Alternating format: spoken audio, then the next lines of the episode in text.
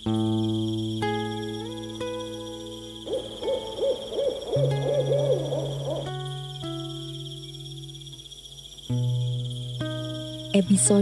kehidupan Banyak manusia lebih mengenal bulir padi daripada butir-butir tanah.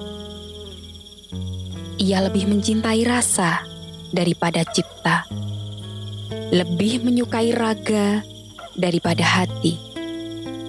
Tak pernah sadar, daun-daun mulai berguguran.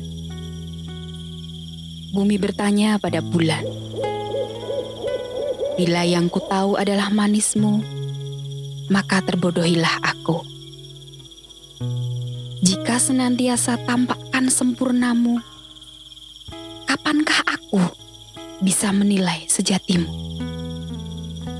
Pertanyaan aneh terlintas kembali.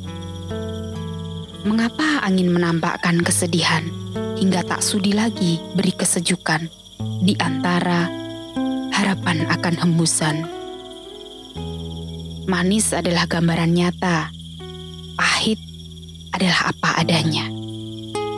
Rasa semua ada, pasti meski tak kasat mata.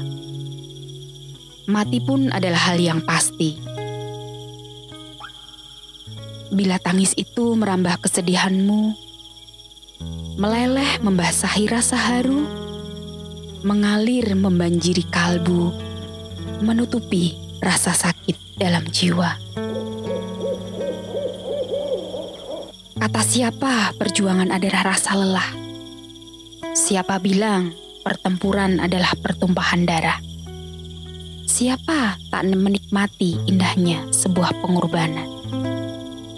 Darah, air mata, luka, dan pedih adalah teman Rasa itu adalah kesungguhan di antara mimpiku yang berakhir di ujung jalan.